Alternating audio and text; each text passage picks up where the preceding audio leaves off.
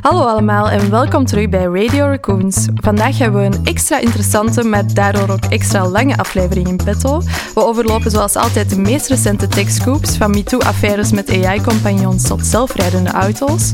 We bespreken de toekomst van virtuele assistenten in onze deep dive en nemen daarvoor ook onze Curious Raccoon Michiel erbij. Afsluiten doen we zoals altijd met een watercooler show-off. Oké, hallo allemaal en welkom bij een nieuwe aflevering van Radio Raccoons. Ons eerste segment, de Tech Scoops. We hebben alweer wat interessant nieuws gevonden, Daphne. Absoluut. Ik stel voor dat we er gewoon meteen in vliegen.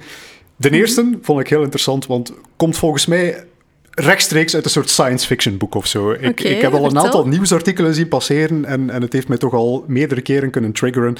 We moeten het eens hebben over replica. Replica, al van gehoord, Daphne? Mhm. Nee, nee, ik ken het zelf niet. Kijk, dat wil, misschien zeggen dat je voldoende vrienden hebt, want Replica is een AI companion app. Dus een chatbot, zeg maar. We gaan het er straks misschien nog over hebben. Een, een virtuele assistent die ontwikkeld is om eigenlijk vrienden te worden met u, waar dat je tegen kunt babbelen. Oké. Toen me ehm, een beetje denken aan de film Her. Het, het heeft er inderdaad heel veel van Ja. weg. En mensen, eh, met de laatste film nieuwsberichten trouwens. die erover uitkomen over Replica, beginnen mensen wel heel harde parallellen te trekken Mhm. met die film. Want Replica is dus de afgelopen maanden al twee keer in het nieuws gekomen. De eerste keer, een maandje geleden ongeveer, Mhm. dat ik het heb zien passeren, eh, was er plots een nieuwsbericht over mensen die klaagden dat hun AI-chatbot hen sexually harassed. Eh, dus zij werden lastiggevallen op een onaangename manier Ja. door hun AI-compagnonbot. Een soort eh MeToo-affaire. Ja, een soort MeToo-achtige affaire, maar dan Ja. de eerste met een AI-systeem aan de andere kant. Ja. En wat, wat gebeurde er dan net als je zegt lastig gevallen? Ja, zij werden lastiggevallen. Dus Replica is origineel ontwikkeld als een app om gewoon vriendjes te worden met u. Even een, gesprekje. Een gesprekje aangaan, zoals we dat allemaal wel eens zouden doen. Maar natuurlijk, als je iets op het internet gooit, dan gaan mensen het altijd wel voor een bepaald doeleind gaan gebruiken Mhm. natuurlijk. Wat hadden ze al heel snel door? Mensen wouden die relatie ook naar een volgend niveau Ja. gaan tillen. En Niet meer platonisch. Ja, om het niet meer zo platonisch te gaan houden. En Replica had daar zo slim op ingespeeld Mhm. door een betalende tier te voorzien die het ook mogelijk maakte om met uw compagnon eigenlijk naar een de een soort van escorte, de volgende, eh, ja, je, je betaalt eigenlijk wel een beetje om. Voor ja, dus liefde, ja. Verbind daar je eigen conclusies aan, inderdaad. Ja, ja, ja. Ehm, maar wat bleek dus? Wat bleek dus? Dat ik denk Replica ietske te hard die betaalde tier heeft proberen pushen. Ja. Want mensen begonnen dus te klagen dat de mensen die eigenlijk gewoon vriendjes wouden blijven, hè, Ah, laat ja. ons gewoon vrienden Die er niet blijven. voor wilden betalen, Die, eigenlijk. er- die ook geen enkele intentie hadden om, om daar eh, schunnige dingen mee te gaan doen. Ja. Die werden plots Oh, nee. geëngageerd door hun beste vriend om eh, toch maar... Eh, om zo, het naar het volgende niveau die te kregen brengen. dan plots allerlei ongemakkelijke vragen over ja, allerlei lichaamsgebieden. En daar, waren, daar kwamen dus heel veel, heel veel klachten over. Oh my god, ja. Maar nu, de interessante twist. Mhm. Replica ehm, heeft natuurlijk wel ingezien dat zij een beetje in ethisch penibele wateren zijn terechtgekomen. Mhm. hè. En, eh, Je wilt een MeToo-affaire niet meteen op bedrijfsniveau op u gaan Nee. nemen. Wat hebben ze dus gedaan? Zij Mhm. hebben die feature eruit gehaald. Volledig, ook voor het betalende. Ja, het is niet meer mogelijk. Er zijn wat geruchten, soms eh, zeggen ze van eh, het is er toch weer. Het zijn taalmodellen, hè, die Ja. kunnen altijd wel een beetje gemanipuleerd worden. Maar nu zijn er dus heel, wel veel, heel veel gebruikers die klagen over het feit dat hun compagnon net Ja. niet meer geïnteresseerd is Oh, om eh, die relatie Die naar de volgende stap te nemen. ja. En dat gaat zelfs zo ver dat zelfs nu op de forums van de Replica Mhm. zelfhulplijnen worden geadverteerd voor mensen die, die dus echt wel ja, een soort Ja. Ja, liefdesverdriet bijna hebben, omdat hun compagnon eigenlijk ja, niet meer... Ja, ja. En eh, als je zegt van dat is een soort van chatbot, is dat dan vergelijkbaar met ChatGPT, maar dan met bepaalde regeltjes? Of, allee, Ja, dat is ook ja. generative AI dan Het is eigenlijk een heel interessant verhaal, want ja, we hebben natuurlijk nog ander generative nieuws natuurlijk. Mhm. Eh, Replica is daar een uitstekend voorbeeld van. Zij zijn begonnen eh, met eigenlijk 90% van de gesprekken die waren volledig gescript. Ja. We gaan het er straks nog over hebben, eh, over die verandering eigenlijk een Mhm. Ja. beetje. Maar Replica is dus een van die tools die meesurft op die large language models. Ja. En ze zeggen nu zelf ook van, ja, de reden waarom dat er soms rare dingen gebeuren, is net omdat die nu Ja. 90% van de gesprekken gewoon volledig ongegidst, Ja. zeg maar, in handen natuurlijke conversatie gaat. Dus cool. eh, het is wel een beetje een interessante overgang en Mhm. het zorgt dus ook wel voor heel eh, ja, ethische en, en ja, dat ja, zijn dingen waar dat we eens goed over moeten nadenken. Hè? Ding- dingen waar toch wel heel goed moet worden over nagedacht. Nu, eh, je zegt het inderdaad al, generative AI. Kijk, we moeten onszelf soms een beetje verontschuldigen, maar Mhm. We er is hebben nu... het vorige aflevering al gezegd dat het waarschijnlijk in deze aflevering ook Het, weer het zal zitten. misschien wel nog even duren eer dat de mensen uitgepraat zijn Ja. over generative AI en ChatGPT enzovoort. Mhm. Ja, opnieuw, we gaan er een aantal bundelen gewoon, want het is weer een explosie geweest Ja. van, van eh, gegenereerde content. Soms als letterlijk. eh, het, het, het magazine Clark Ja. Ik had er nog nooit van gehoord, maar zij zijn blijkbaar best bekend in het publiceren van kortverhalen. Ja. Zij hebben ook beslist van, kijk, wij moeten de inzendingen stopzetten. Oh nee. Want zij zijn overvloed geweest met mensen die eigenlijk gewoon Ja. Mhm. ChatGPT-verhaaltjes naar hen doorsturen in de hoop Ja. om zo ook Die gepubliceerd te waarschijnlijk worden. een idee hadden en eindelijk het in woorden konden omzetten door eh, een goede prompt te schrijven. En, eh, Ik, ja. ik heb zelfs al in een interview gelezen en, en bevestigd gezien in screenshots. Er zijn nu al hele YouTube-kanalen gewijd aan get-rich-quick schemes, waarbij dat Oh je my ChatGPT-verhaaltjes massaal doorstuurt eh, en daar misschien eh, wat inzendingen geld Mhm. kunt uithalen. Dus eh, het, is, het is echt wel aan het overstromen, zeg Yes. maar. Ook op sociale media vinden we ja, eigenlijk AI-generated content steeds meer terugkomen. Een hele leuke vind ik zelf persoonlijk op Twitch. Mhm. Eh, bekend voor Stream, livestreaming van games enzovoort enzovoort. Maar soms zijn er mensen die eigenlijk over van alles ook wel eens een Twitch-kanaal willen beginnen. En een van die kanalen is Endless Seinfeld. Ja, die- Nothing Forever heet dat was het. een, eh, een soort van serie, of is een serie, Ja. eh, normaal gezien. Hè? Voor inderdaad, Daphne, je bent al wat jonger, maar inderdaad, Ja. mensen die al wat ouder zijn dan ik kennen Seinfeld waarschijnlijk als een van de grote sitcoms. Een, Ja. een sitcom die ook over niets gaat. Staat Ja. zelf in de tagline. Eh, het, is, het is een beetje allerhande bizarre situaties die dan afgebeeld worden. Mhm. Er heeft iemand dus, en, en het is zelfs een, een Microsoft-topman die handen in elkaar heeft geslaan met iemand anders om een soort creatief agency te beginnen. Oké. En zij hebben een kanaal gelanceerd waarbij dus een eindeloze aflevering van Seinfeld wordt gegenereerd. Heel coole setup ook, met GPT om het script Ja. te genereren. Dat script wordt dan gevoed aan een director. Mhm. En die director maakt dan ook nog eens, zeg maar, de scène. Hè. Er- Er, is dus effectief, het is met beelden. Mhm. Die de- director is ook AI dan? ja, ja, die, Ja. die is volledig AI gestuurd. Die plaatst personages in een scène, die laat die met elkaar praten enzovoort. enzovoort. Dat Dus wordt een opgenomen. hele moderne workflow, volledig Oh. AI gebaseerd. Eh, gebruikt zelfs Microsoft om de stemmen te gaan genereren. Allemaal volledig met AI. Mhm. Alles en dus is AI. eindeloos, eindeloos, eindeloos door. Ja. Ook weer, daar zijn een paar problemen mee Ja. geweest. Want normaal gezien zou het ondertussen al terug online moeten zijn. Maar ze zijn eventjes offline gehaald. Omdat er een paar controversiële mopjes eh, in, in de eindeloze waren Seinfeld. waarschijnlijk. Die eh, niet zo politiek correct waren, Ja. inderdaad. Ehm, en daarvoor zijn ze eventjes offline gehaald. En de reden daarvoor, zeiden ze, is omdat ze eventjes een ouder GPT-model hadden gebruikt. Die minder, Minder afgeschermd is, minder ja. beschermd is geweest. eh, en daardoor iets meer en fouter Dus, kon gaan dus ik kan het niet meer bekijken nu. Het zou normaal gezien terug online moeten komen. Ah, Ze waren twee weken geband. ehm, en, en normaal gezien Wegens die tegen mopjes dan. dat het... Ja, inderdaad. Alright. Dus ze hebben even de vinger gekregen en nu hopen ze het Ja, ik ben, beter te doen. ben wel benieuwd eh, hoe dat, dat er eigenlijk uit kan zien. Eh, ik zou het graag eens zien. Het is, het is met beelden en al, dus dat vind ik alvast een, een heel interessant, heel interessant Ja. aspect eraan. Maar is het dan een soort van ja, echt heel realistische beelden, zoals in de normale sitcom? Of Nee, hoe, nee, ziet dat, nee. hoe het moet ziet ik me er, dat Het ziet er nog heel knullig uit, een beetje Ja. zoals een, een, een oude Nintendo-game of Ja. zo. Maar het is dus wel, de scène die je ziet, is volledig gegenereerd op basis van het script die geschreven wordt. Ja. Dus, dus zegt het script van eh, Jerry en Elaine staan in een koffieshop, dan, dan wordt er effectief Ah ja, een koffiewinkel gegenereerd Maar met een soort van animatie. Allee, zo. Ja, het is een hele brakke animatie, maar ik, het is denk ik wel... Maar er zit wel iets in, als het zo gefine-tuned wordt, kan het echt wel... eh, Er wordt ook in veel van de artikels al over gesproken. De mensen achter ehm, de eindeloze Seinfeld-aflevering, die zien dat ook echt als de toekomst van media. Die, die zien echt wel een soort toekomstige Netflix, waarbij je, dat je gewoon een beetje kan zappen en waar dat er eindeloos. eindeloos content wordt Ja, gegenereerd ik op weet niet of het iets voor mij zou zijn. Als je dan ja, twee uur niet kunt kijken en je hebt al een hele clue gemist van het verhaal en eh, het gaat al... Allee, Nu, dan vraag, je, dan vraag je gewoon aan het AI-systeem van recap mij eens de afgelopen ah, twee uur in, een, in een slimme scène, mm waar ze even een flashback doen naar het afgelopen... Ja, ik, ik denk wel, het zal misschien niet meer voor ons zijn, maar onze kinderen misschien daar... Ja, ik denk dat eh, je misschien een soort van state of mind of zo moet creëren, waar dan mensen daarvoor openstaan. Het gaat een, een, eh, een revolutie zijn weer, denk ik. Uw kinderen gaan misschien vragen van waarom kijkt jij naar een serie waar er maar twee seizoenen van zijn, eh, als je ook kunt kijken naar iets waar er zoveel seizoenen van kunnen bestaan als dat je maar wilt. Dat, dat is echt wel binge-watchen dan, hè? Dat is binge-watchen tot in de eeuwigheid. De ultieme droom van de mensheid. Inderdaad. Nu, in, in die hele sfeer van, van uh, generated uh, AI-content vond ik ook een hele interessante op Instagram. Ja. Uh, op Instagram is er een virale fotograaf. Mm -hmm. een fotograaf die viraal is gegaan, die ja. toch wel een, wat is het, een tienduizendtal volgers mm -hmm. heeft mhm. gekregen op kort moment. En die is uitgekomen, die heeft publiek gemaakt.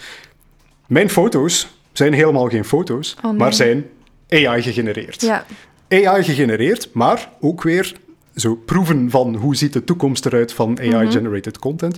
Een combinatie van AI-gegenereerde beelden die dan later bewerkt worden door die fotograaf met Photoshop. Okay. Dus dat is ook weer de vraag van wie ja. is dit eigenlijk Dus er creatief? zit nog wel wat human in de loop in. Er zit een menselijke factor in. Ja. En dat maakt, volgens hem is dat ook net de secret sauce, die maakt dat iedereen vond Ja. dat zijn content zo goed was en daarom iedereen Ah, hem ook grappig. volgen. Ja, want ik, eh, ik kwam onlangs ook op Instagram een ehm, AI-influencer tegen. Een Doet me er wel een beetje aan denken. Ja, het is eigenlijk, eh, ze heet Alice, ehm AI-Alice eigenlijk. Oké. Eh, ja, een, een clever eh, wordplay. Ehm, en het is eigenlijk, ja, als je naar het profiel gaat, lijkt het echt gewoon een influencer. Het, is een, Hm. het, is een, het lijkt een vrouw eh, te zijn die van alles doet. Ja, de typische influencer, die kent je wel Mooie waarschijnlijk. foto's, ja, mooie leuke achtergrond, foto's. Exact, exact product zo. placement. Ja, ehm, heeft ook al 5000 volgers of zo. Maar ja, het is geen echt persoon. Het is dus volledig AI gegenereerd. Eh, ook de foto's, ja, het is altijd wel ongeveer dezelfde. Allee, je zou kunnen zeggen dat het een persoon is, maar het zijn geen echte foto's.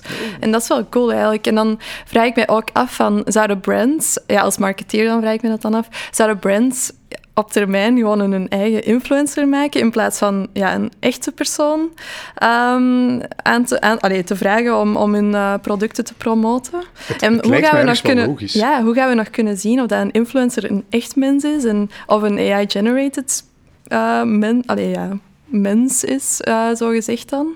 Vind ik wel een coole evolutie eigenlijk. Ja, dat is een van de angsten die mensen hebben van de influencers die we volgen op het internet. Gaan Ja. die in de toekomst wel nog echte mensen zijn? Kunnen zij niet gewoon Ja. eh, ons allerlei ideeën in ons hoofd stoppen, terwijl dat het niet eens echte personen zijn? Ik zou beargumenteren, dat doen de echte influencers ook al, dus Mhm. zoveel, eh, Ja, zoveel niet- verschil zoveel gaat het niet maken. Maar ja, het is inderdaad wel een evolutie die eraan komt. Ja, ik denk dat dat was voor onze AI-generated eh We zijn nog niet klaar met AI natuurlijk, dat blijft erin, maar, maar ja, de Nee. generative AI hebben we hier, eh, Tijd voor de derde techscoop dan. Hè. Ehm, ik heb er eentje gevonden, David. zeg maar. Ehm, onlangs is een zelfrijdende wagen volledig autonoom op de baan gegaan in Amerika. Best Ik- wel cool. Ik, ik dacht toch dat ik daar al... Heb ik daar, heb ik daar niet al nog nieuwsberichten van gelezen? Van, van autonome wagens Ja. die de straten op gaan rijden? Ja, zeker. Het is zeker niks nieuw, maar het is wel een primeur, zou ik zeggen. Ehm, aangezien dat het echt wel zelfrijdend is. Er zit dus geen mens achter een stuur die een stuur vasthoudt. Uh, er Oh. zijn geen pedalen. Oh. Dus eigenlijk is het gewoon een soort van karretje waar dat, ja, passagiers in kunnen Ja. zitten, maar je hebt geen, geen stuur. Het is eigenlijk heel grappig. Uh, het is trouwens van Zoox, ehm, opgekocht door Amazon, uh, ik denk drie jaar geleden of vier jaar geleden. En nu zijn die dus echt testen op de publieke wegen in Californië aan het doen. Um, ze noemen het zelf robotaxis. En het is eigenlijk de bedoeling om Amazon-employees uh, te vervoeren um, van en naar het werk. Dus het is niet, nog niet de bedoeling om echt um, iedereen daarmee Ja. te laten rijden. Maar ze zijn echt wel testen aan het doen. En het is echt wel een cool wagentje, vond ik zelf. Ik was er helemaal hyped over. Uh, het is ook bidirectioneel, dus ja, het is niet dat er een voor- of een achterkant is. Die wagen kan ook gewoon allebei de kanten rijden. Mm. Dus je moet niet per se omdraaien uh, als je ja, ergens in wilt gaan of achteruit wilt rijden, want het kan gewoon... Het gaat ook best wel snel, 55 km per uur. Oké. Um, en ik vond echt wel het zotte eraan... Ja, er zijn geen pedalen, er is geen stuur, er is niemand, eigenlijk geen mens dat dat kan besturen. Um, allee, om daar een kanteken, kanttekening te maken, ze hebben wel Teleguidance. En dat is eigenlijk een soort van centrum um, waar dat dan een persoon edge cases kan uh, oplossen. Dus Aha, stel, ja, die, ja, die wagen ja. geeft aan van oei, hier weet ik echt totaal niet hoe ik moet reageren in deze verkeerssituatie. Dan kan een persoon in dat um, centrum dan aangeven van uh, nu moet je zo rijden of zo rijden. Allee, naar mijn knowledge, want er is niet superveel over uh, te lezen. Maar het is echt wel super technologisch, hoogtechnologisch. Waar dat, allee, waarschijnlijk elke zelfrijdende wagen uh, wel bezit. Uh, radar, lidar, computer vision. Um, de whole package, zou ik zeggen. Maar ik was wel ja, verrast door uh, het feit dat dat gewoon volledig gereguleerd is. Ze moeten geen... Allee, um, volgens de Amerikaanse regels is dat gewoon een auto die op de baan mag komen. Hm. Um, ze hebben er ook permits voor. Ik vind echt... Ja, zijn we dan toch op een kantelpunt gekomen? Want inderdaad, zoals gezegd, het is niet de eerste keer dat je het hoort. Hè? Ja. Um, maar toch, ja, ik, ik, denk wel dat het um, misschien ooit wel gaat komen, die zelfrijdende wagens. En niet zoals een Tesla, waar dat mens toch uiteindelijk altijd um, de controle gaat hebben. Het is wel interessant ook, want, want ik ben ooit eens naar Zweden geweest op studiereis mm -hmm. en ik ben daar ook bij een zelfrijdend wagenbedrijf terechtgekomen, ja. maar specifiek voor vrachtwagens. En ja. zij hadden hetzelfde idee. Zij zeiden ook van, wij nemen nu eigenlijk vrachtwagenchauffeurs aan mm -hmm. om eigenlijk in een warenhuis te gaan zitten. Ze zeggen dan ook van dicht bij thuis, die mensen moeten niet meer ja. overal naartoe rijden. Mm -hmm. Ze gaan gewoon naar het kantoor. Zij zijn beschikbaar en als er ergens in de vloot een vrachtwagen een probleem heeft, dan neemt die persoon uiteindelijk ah, voilà. remote over. Dus toch wel, mm -hmm. je ziet wel dat de technologiewereld creatief aan het nadenken is over hoe dat we mensen en technologie ja, zo goed mogelijk met elkaar kunnen, uh, kunnen mm -hmm. laten samenwerken. Absoluut. Nu, als we spreken over mens en technologie, een fantastische segue naar, naar mijn volgende tech-scoop. Mhm. Mm -hmm. Ik vond het een hele leuke. Het heeft alles wat wij zoeken in een uh, nieuwsbericht over AI. Een beetje okay. menselijk, een beetje AI en gecombineerd mm -hmm. met elkaar. Daar zijn we fan van, hè? Iedereen kent ondertussen waarschijnlijk wel al het spel Go. Ja. Chinees schaken, zoals het soms ooit mm -hmm. genoemd werd. Het moeilijkste spel. Ja, gezegd. een van de moeilijkste spellen ter wereld. Ja. Ook lang gedacht van het is een spel waar computers nooit zullen beter zijn dan mm -hmm. mensen. Tot computers uiteindelijk beter waren ja. dan mensen in het Iconisch moment ook wel, hè? Een iconisch moment inderdaad voor de moderne artificiële intelligentie. Mhm. Mm -hmm. Maar wat blijkt... Uh, Vandaag de dag staat terug een mens op de eerste plaats. Och. Een mens heeft gewonnen van de beste Go-spelende AI-engine. Oké. Okay. En het interessante is van wie is die mens? Hè? Is dat een hyper-intelligent dat persoon? Een we, we hebben een soort genie gekweekt in een, in een vat of zo. Nee, uh, die mens is eigenlijk zelfs gewoon een betere amateurspeler. Mhm. Is niet eens een, een professionele Go-speler okay. of zo. Maar die heeft een strategie gebruikt die hij geleerd heeft van een ander AI-systeem. Oké, okay, dus het is We niet hebben volledig, AI uh... gebruikt om AI te verslaan. Okay. Het is zover. Maar nog wel samen met een mens dan? Wat is er gebeurd? Ze hebben eigenlijk een AI-systeem op zoek laten gaan naar kwetsbaarheden in die Go-spelende engine. Mhm. Mm -hmm. En daaruit is een strategie gekomen die ook aangeleerd kan worden aan een mens. Ja. Dus eerst heeft een computer bewezen van kijk, deze strategie werkt er tegen. Mm -hmm. Heeft die uitgelegd aan een mens en een mens heeft die met succes Perfect kunnen repliceren ja. tegen, uh, tegen een andere Oké, okay, en de, de, AI was dan uh, verslaan? De AI is overtuigend 14 van de 15 spelletjes uh, de grond aangevoerd. Ah, oké, okay, wow. Ja. Dus, uh...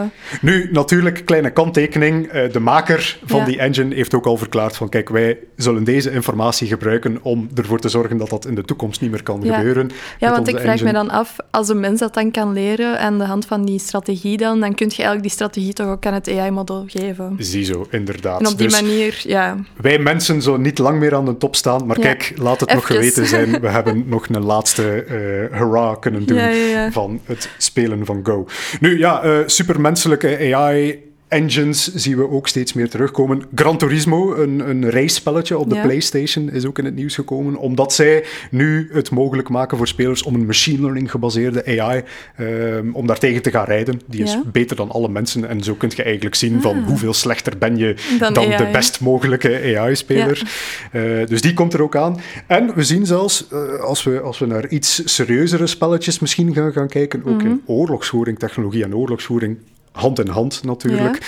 Ja. Um, zie ik berichten passeren van de Amerikaanse luchtmacht die met succes een AI-gestuurde jetfighter heeft kunnen testen. Dus daar zien we ook een evolutie richting steeds meer technologie gedreven, steeds mhm. meer AI gedreven oorlogsvoering. Ja. Of dat dat goed of slecht is, eh, dat laten we nu even in het midden. Het is misschien wie dat het in handen heeft die bepaalt uh, wat we ervan moeten vinden. En als laatste techscoop vond ik nog een hele interessante. Het is, het is, het is, het is zo'n beetje eh, op het randje zo, maar ik las in een interview met een of andere NAVO-topman, die mm praatte over een jaar oorlog in Oekraïne. Ja. En die vermeldde daar een stukje technologie waar de NAVO enorm van verwonderd is, die de Oekraïners zelf hebben ontwikkeld. Mhm. En zij noemen het Uber voor artillerie. Oh my god. En uh, wat houdt dat dan juist in? Ja, je zult je inderdaad afvragen van, worden er dan granaten geleverd met ja, Uberwagentjes of zo? Hebben ze een deal gesloten of zo? Nee, dat, dat, is het dus helemaal niet artillerie ja, uh, te het is, het is, niet met de taxiwagen geleverd of zo. Maar wat hebben ze dus eigenlijk ontwikkeld? Dat is een soort Google Maps-achtige interface, waarbij soldaten dus nu via hun gsm kunnen aangeven op een kaartje waar moeten die bommen en granaten precies gaan neerkomen. Ja. En dan is er een computersysteem die daarvan automatisch berekent welke artillerieposities zijn er in de buurt, wie gaat dat het beste afvuren? Stuurt dat commando door en binnen de 30 seconden valt er dan een bom op die locatie. Nu, wij NAVO-landen, wij zijn best geavanceerd. Zij zijn daar super verbaasd over, want het beste dat wij kunnen is ongeveer twee minuten. Ja. Dus zo ziet je maar, uh, ook consumententechnologie mhm. begint uh, ja, vinden we eigenlijk overal een beetje terug. Ja, dat, dat maakt het toch wel heel gemakkelijk allemaal. Allee, ja. Een beetje te gemakkelijk misschien. Het is, uh, we vinden het soms op minder fijne plaatsen terug, technologie, maar kijk, zo ziet je maar. Het hoort er ook helemaal bij. Hè? Ja, jammer genoeg. Goed, voilà, Daphne, dat was het voor de tech scoops van vandaag. Ik stel voor dat we overgaan naar het volgende segment, onze deep dive. Ja. Oké, tijd voor onze deep dive.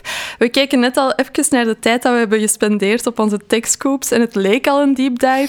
Uh, dus sorry als deze aflevering een beetje langer dan normaal gaat worden, maar we gaan ons best doen om uh, zo kort en bondig, maar toch zo interessant mogelijk uh, het volgende topic te bespreken. Hè. David, wat heb je voor mij in petto? Ja, dus het is een beetje een speciale. Ik, ik, ik ga me proberen inhouden hier. Want wat we eigenlijk nu willen gaan doen, is we hebben straks een Curious Raccoon vraag mhm. die eigenlijk een beetje gaat over de toekomst van virtual assistants. Ik had het daar straks al uh, eventjes vermeld. En ja, Daphne, je kent mij natuurlijk. Ik weiger te praten over de toekomst zonder eerst een preek slash geschiedenisles te kunnen geven over de volledige context waarover het hier eigenlijk gaat. Dus ik wil vandaag eens deep diven in de wereld van die virtual assistants, de wereld van de chat chatbots, eh, omdat daar toch wel vandaag de dag weer veel om te doen is. En natuurlijk, eh, we kunnen ook wel het een en het ander vertellen over die chatbots, want mm wij zelf eh, hebben natuurlijk ja. Oswald ontwikkeld, een chatbot-platform. Dus ik denk dat daar toch wel misschien mhm. iets interessants over te vertellen valt. Absoluut. Laat ons eens kijken naar die chatbots. Laat ons eens kijken naar de geschiedenis van chatbots. Mhm. Chatbots bestaan al ongeveer net zo lang als onze computer zelf. Uh, als ik het me goed herinner, ergens in de jaren 50, 60 was er al een redelijk primitieve um, therapie-chatbot. Uh, die, waar dat je tegen kon praten. Eliza, die zit trouwens nog altijd... Uh, als je een Mac-computer hebt, dan kan je nog altijd met Eliza gaan ah. praten. Moet je maar eens opzoeken. Oké, cool. Um, ik zal het in de show notes zetten. Ooit. Ja. En dat was eigenlijk een heel simpel ding. Dus wat, wat, ging die bijna altijd gaan doen? Die gebruikte de, gewoon de woorden die je zelf gebruikte en stelde dan een vraag terug. Mhm. ik voel mij verdrietig, waarom voel je je verdrietig? Oh. Eh, eh, ehm, mijn vrouw heeft mij mhm. verlaten, waarom heeft die vrouw je verlaten? Etcetera, etcetera. Precies, replica. Replica avant la lettre eigenlijk. Eliza uh, heeft er wel veel mee te maken. Nu, dat is wat dat ik, ik zou bijna zeggen we, maar, maar wat ik zou noemen de, de eerste generatie chatbots. Ja. Belangrijke elementen daaraan zijn, eerst en vooral de Ehm, herkenning van wat die persoon daartegen zegt, is eigenlijk mhm. volledig gebaseerd op keywords. Ja. Denk aan een chatbot. Ik ben mijn wachtwoord vergeten. Eh, een eerste generatie chatbot die gaat gaan luisteren naar wachtwoord mhm. vergeten. En als die die twee woorden vindt, dan gaat hij antwoorden: hey, laat ik je helpen met uh, je wachtwoord te resetten of zo. Ja werkte eigenlijk best goed. Mhm. Mensen waren daar best enthousiast over. Maar natuurlijk, wat weten we met taal? Taal is veel te divers. Mhm. Wachtwoord vergeten was echt iemand anders dan ik weet mijn wachtwoord niet mhm. meer. Vergeten zit er al niet meer in. Uh, of als je zou zeggen van we gaan alleen maar luisteren naar wachtwoord, zou het ook kunnen zijn. Uh, ja, ik, ik, ik heb een heel raar wachtwoord gekozen uh, en, en ik zou dat graag veranderen. Kan dat nog allemaal? Mm Taal is iets immens moeilijk. Dat hebben we geleerd in de eerste generatie van chatbots. Mhm. En dat is dus eigenlijk, dan zijn wij min of meer op het toneel verschenen, destijds met Oswald. Mhm. Want daar was een nieuwe technologie genaamd machine learning. Ja. En met machine learning kunnen we heel interessante dingen doen, met taal natuurlijk. Mhm. Dus om eventjes te schetsen, als veel mensen denken aan een chatbot anno eh, ergens jaren 2010. En natuurlijk, 2020 is. Uh, voor, 2010 voor mij is, dat dan de eerste chatbot. Het is nog niet zo lang geleden, inderdaad, maar het voelt ergens al als oude, oude geschiedenis. Maar, mhm. maar in het recente verleden, als we denken aan een chatbot, dan is dat een chatbot die machine learning gebruikt om taal te gaan herkennen. Mm Machine learning dus om te weten wat zegt die persoon eigenlijk tegen mij mm en ja, wat moet ik daar precies op gaan antwoorden. Ja. We spreken dan ook over een chatbot die gebruik maakt van intents en entities. Dat zijn dan twee technische termen die wij mhm. gebruiken. Een intent, een intentie van een gebruiker herkennen, is wat die mhm. chatbot doet. Ja. Wat doet die chatbot niet? En wat is de grote beperking altijd geweest van een chatbot? Dat is de antwoorden dat die chatbot stuurt. Die waren altijd door mensen gedefinieerd. Ja, dus, dus een soort van script waar dat je dan invult, als je deze intent uh, herkent, moet je dit antwoorden. Ja. En dat was dan door een mens geschreven. Ik, ik denk, Daphne, heb jij daar ook niet nog ooit eens mee bezig geweest met de fameuze Oswald-bomen die we dan maakten? Uh, nee, dat was Paulien. Ah, dat was Paulien, jammer, jammer. Ja. Uh, maar, dus, maar ik heb ze wel gezien en ja, super impressive. Hè? Ik, ik heb destijds ook nog chatbotjes gemaakt, by the way. En wat moesten wij dus gaan doen? Dat was dus een hele boom gaan definiëren van eh, waar kunnen mensen over praten, welke antwoorden moeten we daarop teruggeven en waar willen we uiteindelijk terechtkomen met die mensen. Ja. Goed idee. Maar natuurlijk, eh, in een beperkte context lukt dat perfect. Mhm. Heb je maar één mogelijke vraag, ik ben mijn wachtwoord vergeten, en dan kun je een chatbot maken mhm. die daar perfect op antwoordt en mhm. in alle andere gevallen zegt, sorry, ik weet het niet. Ja. Maar natuurlijk... Dat is frustrerend. Mensen willen wel meer dan één vraag aan zo'n chatbot stellen. Als je een chatinterface hebt, dan, dan wil je mhm. daarmee gaan babbelen. Dan ga je ook al eens buiten de mhm. context gaan trainen. En dat is altijd het grote probleem geweest in die chatbots. We moeten nog altijd zelf nadenken over hoe dat hoe mensen gaan eigenlijk... mensen willen converseren met ons? Welke antwoorden kunnen ze geven? Waar moeten we allemaal naartoe gaan? En dan moeten wij mhm. lijntjes in die bomen gaan tekenen om mensen te, laten, te laten navigeren. Dus daar gaan we straks eigenlijk ook is over gaan babbelen met onze Curious Raccoon. Want mhm. dat is de grote verandering die er misschien wel aankomt. Want mensen zijn toch wel een beetje aan het kijken. Die large language models, ChatGPT, we kennen het allemaal. Daar mhm. kun je schijnbaar eindeloos tegen babbelen. En dat ja, die antwoordt altijd. En die heeft altijd best wel goede antwoord. Die heeft altijd een perfect antwoord klaar, mhm. inderdaad. Maar is dat dan ook voor de context van uw bedrijf zo relevant? Yes, hè, want iets dat we bijvoorbeeld in de TechScoops niet behandeld hebben, um, omdat we al genoeg uh, generative AI nieuws hadden, is dat er ook heel wat nieuwsartikelen zijn van de laatste tijd, dat, dat bijvoorbeeld Bing Chat, eh, de, de, de ChatGPT uh, door Microsoft uitgerold, dat die, als je daar lang genoeg tegen babbelt, dat die eigenlijk een beetje agressief begint te worden. Een beetje agressief zo. Die, die, en zeker als het gaat om zijn kennis in twijfel trekken. Ja, als je zijn kennis in twijfel trekt. Uh, dus mensen kunnen dat zeker opzoeken. Heel grappig. Een gesprek met Bing, uh, waarin Bing overtuigd is dat we nog het jaar 2022 ja, zijn. inderdaad. En, ik heb dat ook gelezen. Die persoon probeert maar te overtuigen en, dan dat lukt Ja, nee, niet. Bing, het is echt 2023 en dan Bing. Ik ben Bing en ik weet alles. Uh, het is zeker 2022, je bent fout, ik ben Bing. En dan wordt hij echt helemaal gek, precies. Hè? Ja, helemaal, helemaal. En je kunt dus ook best wel begrijpen dat als je als bedrijf een soort chatbot of virtuele assistent wilt gaan, dat je liever niet wilt dat die plots uw klanten gaat beginnen uitschelden als uh, een communicatie. Ik weet het beter dan u. dat is niet echt de beste klantendienst dat je kan hebben. Hè? Dus daar, daar gaan we straks eens met de Curious Raccoon op ingaan, om te zien van hoe kunnen we eigenlijk die twee werelden met elkaar vereenzelvigen. Mhm. Kunnen we er enerzijds die controle nog houden, terwijl dat we ook een beetje dat improvisatievermogen en dat natuurlijke taalvermogen van onze mhm. chatbots met elkaar kunnen combineren. Dat is de toekomst van chatbots die eraan komt. Maar dat leek mij belangrijk om daar een beetje van te weten mhm. van... wat is het vandaag eigenlijk? Hoe kijken we vandaag tegen die chatbots aan? Een andere evolutie, trouwens, die ook net even belangrijk is, die mhm. eraan gekoppeld is, is dat onze chatbots ook meer en meer beginnen doen dan alleen maar chatten. Ja. Belangrijk om mee te geven, uh, wij zeggen dat ook altijd tegen klanten uh, als zij vragen om een chatbot. Een goede chatbot, die doet dingen. Ja, Daar die kun je niet alleen maar... Je kunt geholpen worden, niet alleen in woorden, mhm. maar ook in daden. Het is extra tof natuurlijk als je vraagt aan een chatbot, ik ben mijn wachtwoord vergeten, dat die chatbot u niet zomaar een linkje stuurt en gaat het dan zelf gaan regelen, maar dat hij ook effectief u helpt, alle nodige informatie vraagt en vervolgens zelf eigenlijk het, nodige werk doet in de achtergrond. Zoals een mens dat zou doen eigenlijk. Zoals een mens zou doen. En dat is natuurlijk de gouden standaard waar we naar op zoek zijn. Absoluut. En ook daarin zien we dat we nu een stapje verder aan het gaan zijn. Want die chatbots beginnen ook steeds meer proactief acties te ondernemen. Ja, daar zien we zeker ook voorbeelden van bij Raccoons. Hè. Hm. Ehm, zo hebben we ook voor onze klant Acerta mhm. eh, eigenlijk een, een proactieve chatbot uh, gebouwd. En dat is echt helemaal anders dan de standaard chatbot die dat je kent. Um, die chatbot gaat eigenlijk pas tegen u praten als hij een reden heeft om tegen u te praten, als hij getriggerd wordt om tegen u te praten. Bijvoorbeeld, ja, Acerta um, is bezig met HR. Um, bijvoorbeeld, um, stel een werkgever heeft een werknemer en het contract loopt af en die moet dat verlengen. Dan gaat die chatbot pas tegen die werkgever praten uh, als hij dat ziet van nu contract verlengen. En dan gaat hij even een geheugensteuntje sturen van hey, uh, ik heb gezien dat deze werknemer uh, zijn contract gaat aflopen. het zou eigenlijk goed zijn als je dat nu kan verlengen of bevestigen dat dat effectief afloopt. En op die manier gaat je eigenlijk ja, pas gaat je al geholpen worden voordat je de vraag had. En gaat je niet als um, consument dan eigenlijk moeten vragen van hey, hoe kan ik, um, of moet ik nu mijn, uh, mijn contract gaan verlengen? Maar gaat die chatbot wil eigenlijk pushen om dat, om, dat, om dat al te doen voordat jij er zelf aan gedacht had. En ik denk dat dat ook heel veel frustraties gaat wegnemen bij, bij klanten um, of, of ja, consumenten. Um, je wordt eigenlijk al geholpen voordat je een frustratie hebt. Hè?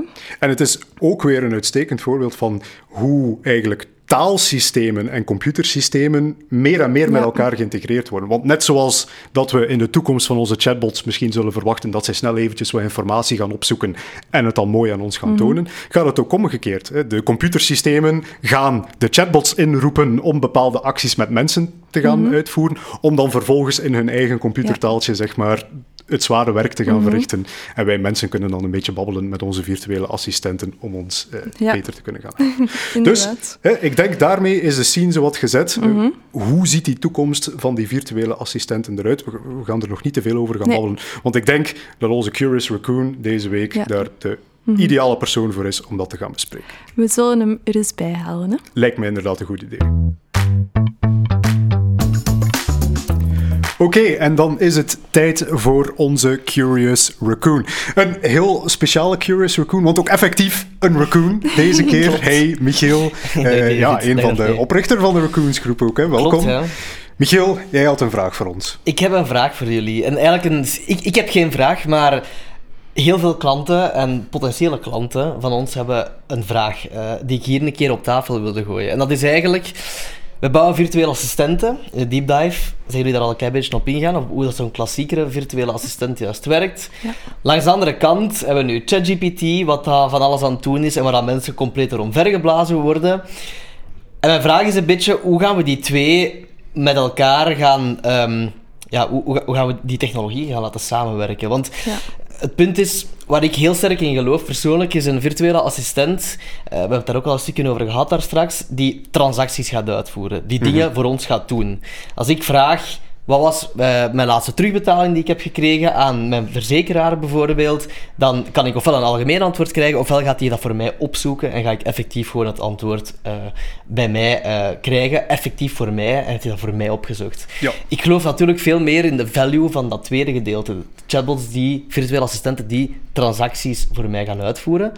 Maar dan vraag ik me toch af van ja, een taalmodel gaat dat ooit een transactie voor mij gaan uitvoeren. Mm Inderdaad. Want hè, de grote vraag, inderdaad, die we daar straks ook al. Je wilt natuurlijk niet dat als je een overschrijving doet, dat die, uh, dat taalmodel plots begint te hallucineren en zegt van, goh, meestal als mensen een mm overschrijving doen, dan is het uh, eh, 50 euro of zo. Uh, wel, weet wat, je hebt geen 2000 euro gestort, maar we maken er snel even 50 euro van. En het, het punt is, ik, ik, denk dat er een oplossing voor bestaat, maar ik mhm. wou eigenlijk jullie feedback daar eens een keer op hebben. Oké, oké. Mhm. De oplossing is volgens mij... Um, we hebben daar straks gezegd, een chatbot, virtueel assistent, noem het zoals je wil, gaat een intent, een bedoeling, een intentie herkennen van een gebruiker en gaat dat dan koppelen aan een voorgedefinieerd antwoord, een hardcoded, voorgedefinieerd door mensen ingegeven antwoord. En um, hoe gaan we dan GPT daarin zetten? Hoe gaan we daar een, of eender welk large language model, generatief taalmodel daarin zetten? Het idee is volgens mij, wat als we nu eens een keer in plaats van een intent vertalen naar een antwoord, wat als we een intent vertalen naar een prompt?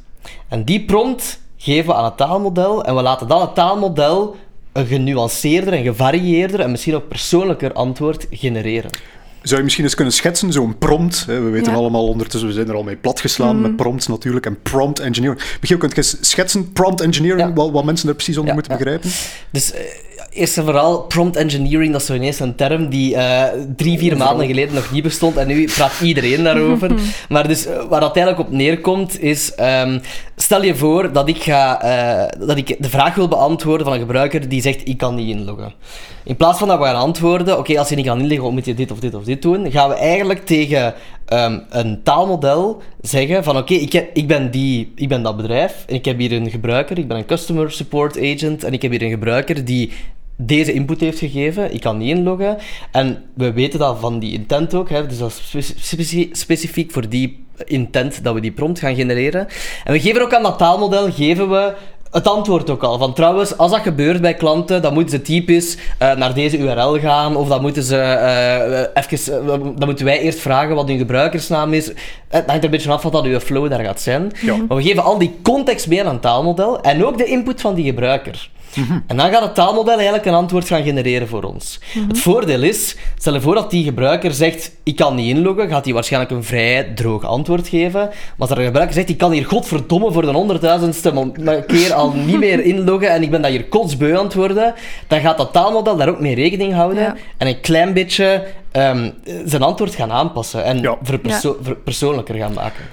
Begrijp ik dan goed, Michiel? Dus de, het herkennen van intenties, dat laten we eigenlijk nog altijd een beetje zoals dat het vroeger werkte. En de reden daarvoor is dat we dan de controle houden. Dat we niet het taalmodel zijn, zijn vrije loop laten gaan, maar wij houden eigenlijk de controle over wanneer mhm. gaan we welk antwoord geven. Eigenlijk wanneer gaan we welke prompt sturen. Ja. Dat is het idee. En dat wordt dan doorgestuurd naar een ChatGPT-achtig taalmodel. En je geeft mee als instructies. Jij bent een sales, uh, een, een uh, assistentbot. Uh, deze persoon heeft een probleem met zijn wachtwoord. Help die persoon met zijn wachtwoord. Oh, by the way, hier staat alle informatie die die persoon misschien zou willen weten over vergeten wachtwoorden. Mhm. En probeer te weten te komen hoe dat je die persoon mhm. eigenlijk moet gaan helpen. En, en mijn vraag is eigenlijk, specifiek is... We zijn hier eigenlijk iets heel speciaals aan het doen, denk ik. Het voelt, het voelt inderdaad wel als, als een soort... Want we zijn een AI-systeem naar onze hand aan het zetten, mhm. Terwijl het al getraind is. Mhm. En we zijn dat eigenlijk door andere input te voorzien, zijn we dat AI-systeem aan het tweaken. Je zou het zelf verder kunnen trekken en zeggen van je moet deze tone of voice, deze tone of voice van ons bedrijf, um, je moet op die manier antwoorden. Wij antwoorden met max drie zinnen, want je mag ook, ja, die tekstballonnetjes mogen ook niet te lang worden, want je wilt geen te lange boodschap. En zo kun je eigenlijk zoveel constraints meegeven dat je inderdaad die controle niet afgeeft. En dat je nog wel vanuit je bedrijf, allee, dat je geen generieke antwoorden gaat communiceren. Hè? Maar ja, absoluut. Dat klopt helemaal. En het, het, hetgeen wat dat bij mij wringt is als uh, eh, AI-engineer van opleiding uh, in een iets verder verleden. um, wat leer je daar? Dat is, je traint een model met trainingsdata, dat leert van alles en dan ga je dat gebruiken. Ja. Nu hebben we het getraind en gaan we het gebruiken, maar we gaan het proberen bij het gebruik toch nog een beetje meer naar onze hand te zetten. Extra instructies meegeven, zeg maar. Iedere keer mhm. zeggen van, jij bent deze persoon, dit is jouw taak op dit moment. En is dat dan plots, in plaats van wachtwoorden vergeten, gaat het over, uh, ik kan mijn rekeningen niet betalen. Dan zeg je inderdaad, jij bent nog altijd een assistent, maar jij helpt deze persoon met zijn rekeningen. Dit zijn de verschillende resources die hij misschien kan gebruiken probeer te weten te komen hoe dat je de beste kunt gaan helpen. Maar ik, ik, ik vroeg me dus af dat jullie daar naar kijken. Um, voelt dat niet om slag te gaan dat we een AI-model aan het tweaken zijn at use time, at inference time, zoals we dat noemen, mhm. in plaats van at train time? Is dat een tussenoplossing? Of is dat hetgeen waar dat we nu echt al in op moeten gaan? Ja, dat is inderdaad... De toekomst valt altijd moeilijk te voorspellen natuurlijk. Maar ik, ik vind het inderdaad wel, wat je zelf een beetje zegt... Het is een tussenoplossing op basis van de technologieën die we vandaag hebben. Eh, dus ik denk zeker dat is een beetje context die we moeten schetsen. Van wil jij vandaag een chatbot die beter is dan al de rest, dan lijkt het mij inderdaad wel mhm. een, een mogelijke oplossing op vandaag de dag, die large language models te laten samenwerken. Maar het klinkt niet future-proof, dat is inderdaad een beetje mijn aanvoeling. Want, want als je zo eens gaat kijken, zo tussen de regels door, naar waar zijn ze nu onderzoek naar aan het doen, de, de Microsofts en de OpenAI's en de uh, Facebooks enzovoort, dan zie je wel dat er een hele sterke focus is op, kunnen we die taalmodellen ook tools geven? In plaats van dat alles in dat hoofd zit, alles in dat taalmodel zit. De, de Eiffeltorens uh, staat in Parijs, dat Parijs ligt in Frankrijk. zit, zo gezegd. Ja, dat zit er allemaal een beetje statistisch in verweven. Maar wat we heel sterk naartoe willen, is dat in de toekomst die AI-modellen ook gaan weten, in plaats van ik ga hier iets vertellen tegen die persoon, weet hem in de plaats daarvan, ik ga eens babbelen met een computersysteem. Ik ga daar een keer gaan vragen hoe dat het precies zit. En dat lijkt mij een hele sterke. Dus dat lijkt mij echt wel... Volgens mij gaat je nog altijd prompt engineering doen. Gaat je nog altijd zeggen, jij zijt een, een customer service bot. Eh, niet schelden tegen de mensen, mensen alsjeblieft. Mhm. Eh, heel vriendelijk blijven altijd.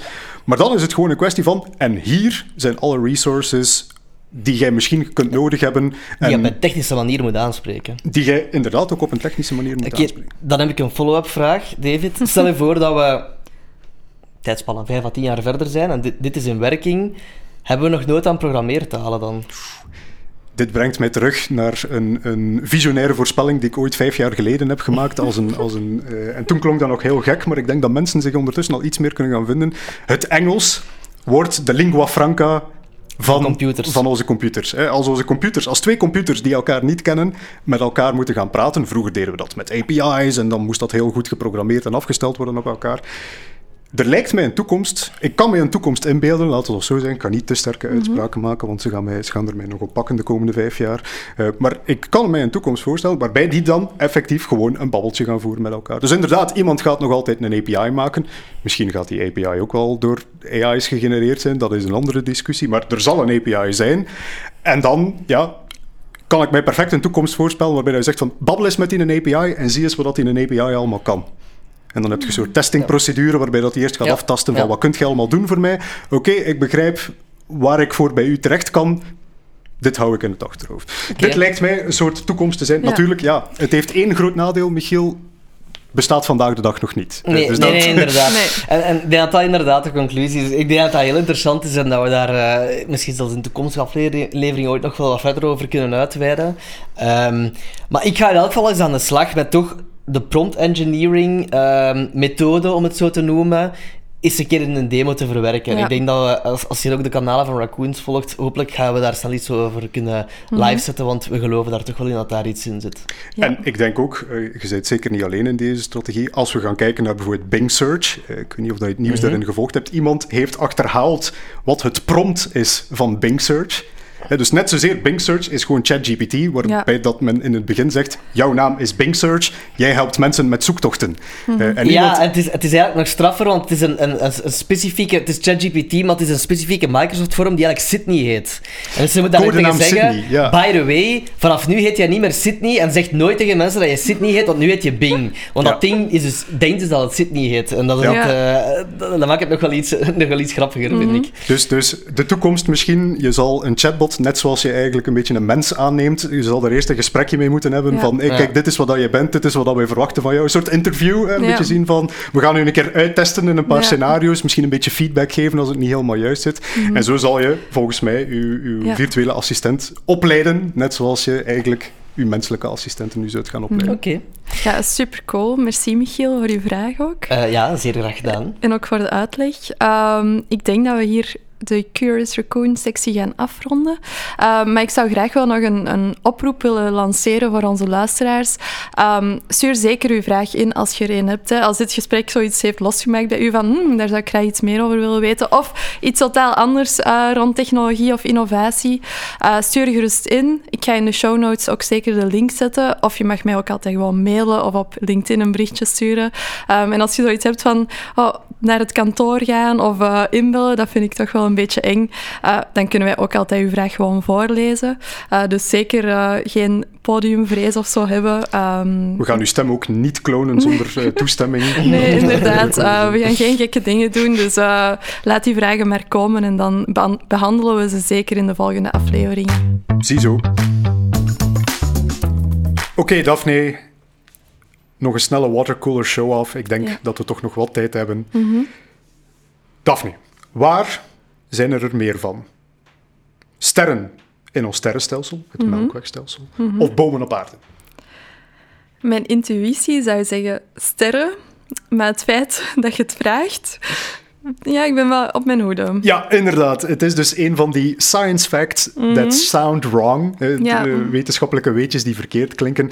Er is een recent onderzoek geweest, en, en het is nieuw onderzoek, niemand heeft het eigenlijk ooit geprobeerd, Mhm. genaamd Mapping Tree Density at a Global Scale. Dus iemand die een poging gedaan heeft tot schatting van hoeveel bomen er precies ergens op de wereld zijn. Mhm. En die is uitgekomen op een getal rond de 3 biljoen, biljoen bomen op deze aarde.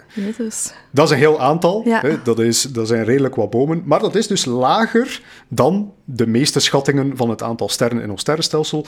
Dat houden ze meestal ergens tussen de 100 en de 400 miljard. Dus wat blijkt? Er zijn meer bomen in, eh, op onze aarde dan sterren in ons Oké, sterrenstelsel. ja, interessant om te weten. Ik zou gezegd hebben sterren, maar het zijn dus blijkbaar bomen. Een show-off voor de volgende watercooler. Yes, Voilà. merci David. Uh, en zo zit onze derde aflevering er alweer op. Hè. Ehm, ik ga het heel kort houden, want we zijn al een beetje over tijd gegaan. Hopelijk vonden jullie het wel heel interessant. Uh, ik vond het alleszins een heel leuke aflevering om op te nemen. En uh, ik zou zeggen, like, share, subscribe. En dan zijn we over twee weken terug. Tot de volgende keer.